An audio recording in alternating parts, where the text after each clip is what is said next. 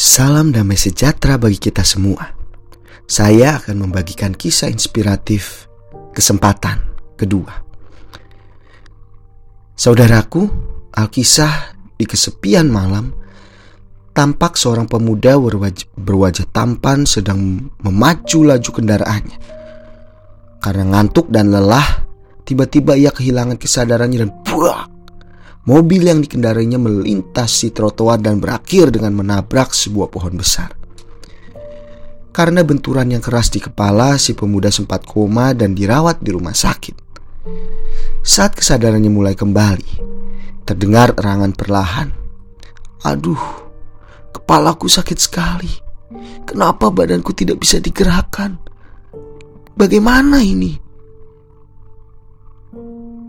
Nampak bayangan bundanya sedang menangis, memegangi tangan dan memanggil-manggil namanya. Lewat beberapa hari setelah kesadarannya pulih kembali, ia baru tahu kalau mobil yang dikendarinya ringsek tidak karuan bentuknya. Dan melihat kondisi mobil seharusnya ya, si pengemudi pasti meninggal. Ajaibnya ia masih hidup walaupun mengalami gegar otak lumayan parah, tulang paha yang patah, dan memar di berbagai bagian tubuh. Hal ini membuatnya harus menjalani operasi dan proses terapi penyembuhan yang tidak sebentar. Saat pamannya datang menjenguk si pemuda menggerutu tidak puas dengan kehidupannya. Dunia ini sungguh tidak adil. Dari kecil aku sudah ditinggal oleh ayahku, walaupun aku tidak pernah hidup berkekurangan. Tetapi teman-temanku jauh lebih enak hidupnya.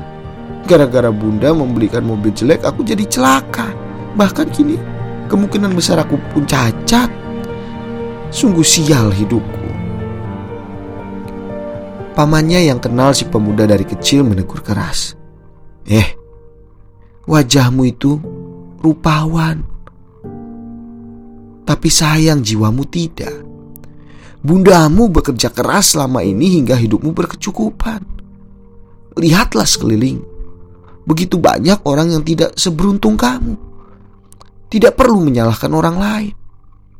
Kecelakaan ini karena kesalahanmu sendiri.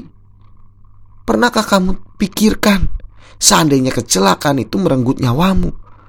Bekal apa yang kamu bawa untuk mempertanggungjawabkan seluruh perbuatanmu di hadapan Allah?